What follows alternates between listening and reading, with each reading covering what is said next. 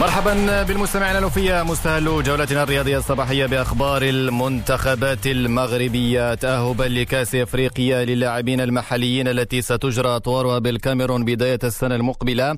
يلاقي منتخب المحليين مساء اليوم في مدينة نيامي بالنيجر مباراته الودية الأولى ضد المنتخب المالي الأسود المحلية اختتمت أمس حصتها التدريبية الأخيرة بإشراف المدرب الحسين عموتة.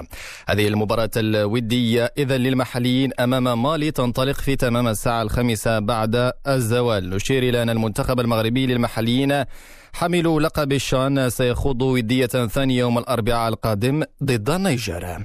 في المغرب لا حديث في أوساط الجماهير الرجوية سوى عن عدد حالات الشفاء من فيروس كورونا في صفوف الفريق. الأخضر آخر اختبار لكوفيد 19 خضعت له كافة مكونات الرجاء البيضاوي أمس جاء بحالتي شفاء جديدتين بالفريق الأخضر. ويتعلق الأمر بكل من محمد بن حليب وعمر بطيب ليصل عدد المتعافين إلى 14 لاعبا خاصة الركائز الرئيسة في النادي باستثناء أنس زنيتي وجبيرة ومحمد أدويكا نشير إلى أن بعثة الفريق الأخضر ستسافر يوم غد الاثنين صوب القاهرة المصرية حيث يجرى, يجرى اللقاء الأربعاء القادم بملعب القاهرة الدولي والعين على تجاوز خسارة الذهاب بهدف نظيف. عن الحالة الصحية للاعبين وأيضا البروتوكول الصحي الذي خضع له لاعب الرجاء. نستمع لطبيب الرجاء البيضاوي محمد العرسي.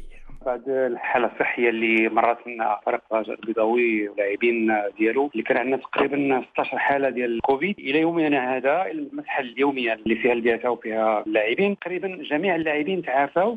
فمنذ تسجيل الحالات الأولى ديال فريق الرجاء البيضاوي فاحنا خضعنا البروتوكول الصحي ديال وزارة الصحة بطبيعة الحال. فمن بين المسائل هو اولا هو الحجر الصحي يعني اللاعبين اللي هما مصابين يكونوا في في الشومبر ديالهم وكاين طاقم خاص اشراف عليهم هما الطبيب بطبيعة الحال وكذلك الممرضين لمدة سبعة أيام.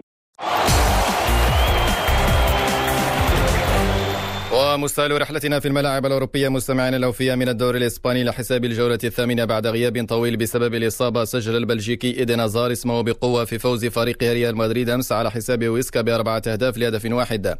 هازارد وقع الهدف الأول بتسديدة رائعة فيما وقع الفرنسي كريم بنزيما ثنائية وسجل فالفيردي والآخر في هذا اللقاء فوز وضع الريال في الصدارة ب 16 نقطة. الغريم التقليدي برشلونة من جهته سقط في فخ التعادل أمام مضيفه ديبورتيفو ألافيس بهدف لمثله. البارسا فشل في تحقيق الانتصار في الليغا للمرة الرابعة تواليا بعد هزيمتين متواليتين. من جهة ثانية سقط إشبيليا أمام مضيفه أتلتيكو بيلباو بهدفين لهدف واحد. النادي الأندلسي لم يحافظ على تقدمه بهدف وقعه الدولي المغربي يوسف نصيري في الدقيقة التاسعة. نتحول لحظة للحديث عن الدوري الإنجليزي الممتاز في أسبوعه السابع. تشيلسي هزم أمس بيرنلي بثلاثية نظيفة إذ يبدو أن الدولي المغربي حكيم زياش ماض في البصم على بداية متوهجة بقميص ناديه تشيلسي في ثاني ظهور رسمي له.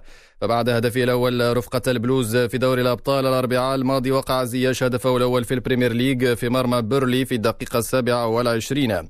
زياش كان أيضا صاحب تمريرة الهدف الثالث لزميله الألماني تيمو فيرنر في الدقيقة السبعين من جهة ثانية قاد البرتغالي دييغو جوتا فريقه ليفربول إلى فوز ثمين على ضيفه ويست هام يونايتد بهدفين لهدف واحد ليصعد الليفر إلى الصدارة.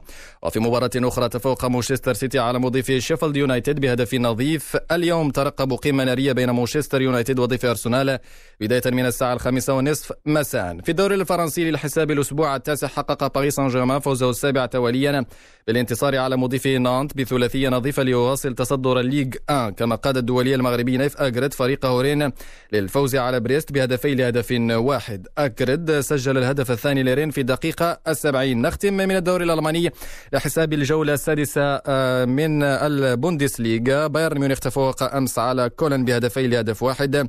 وبهذا الانتصار اعتلى البايرن الصدارة مؤقتا برصيد 15 نقطة وهو نفس رصيد بوروسيا دورتموند المتفوق أمام مضيفه أرمينيا بيلفيلد بهدفين نظيفين.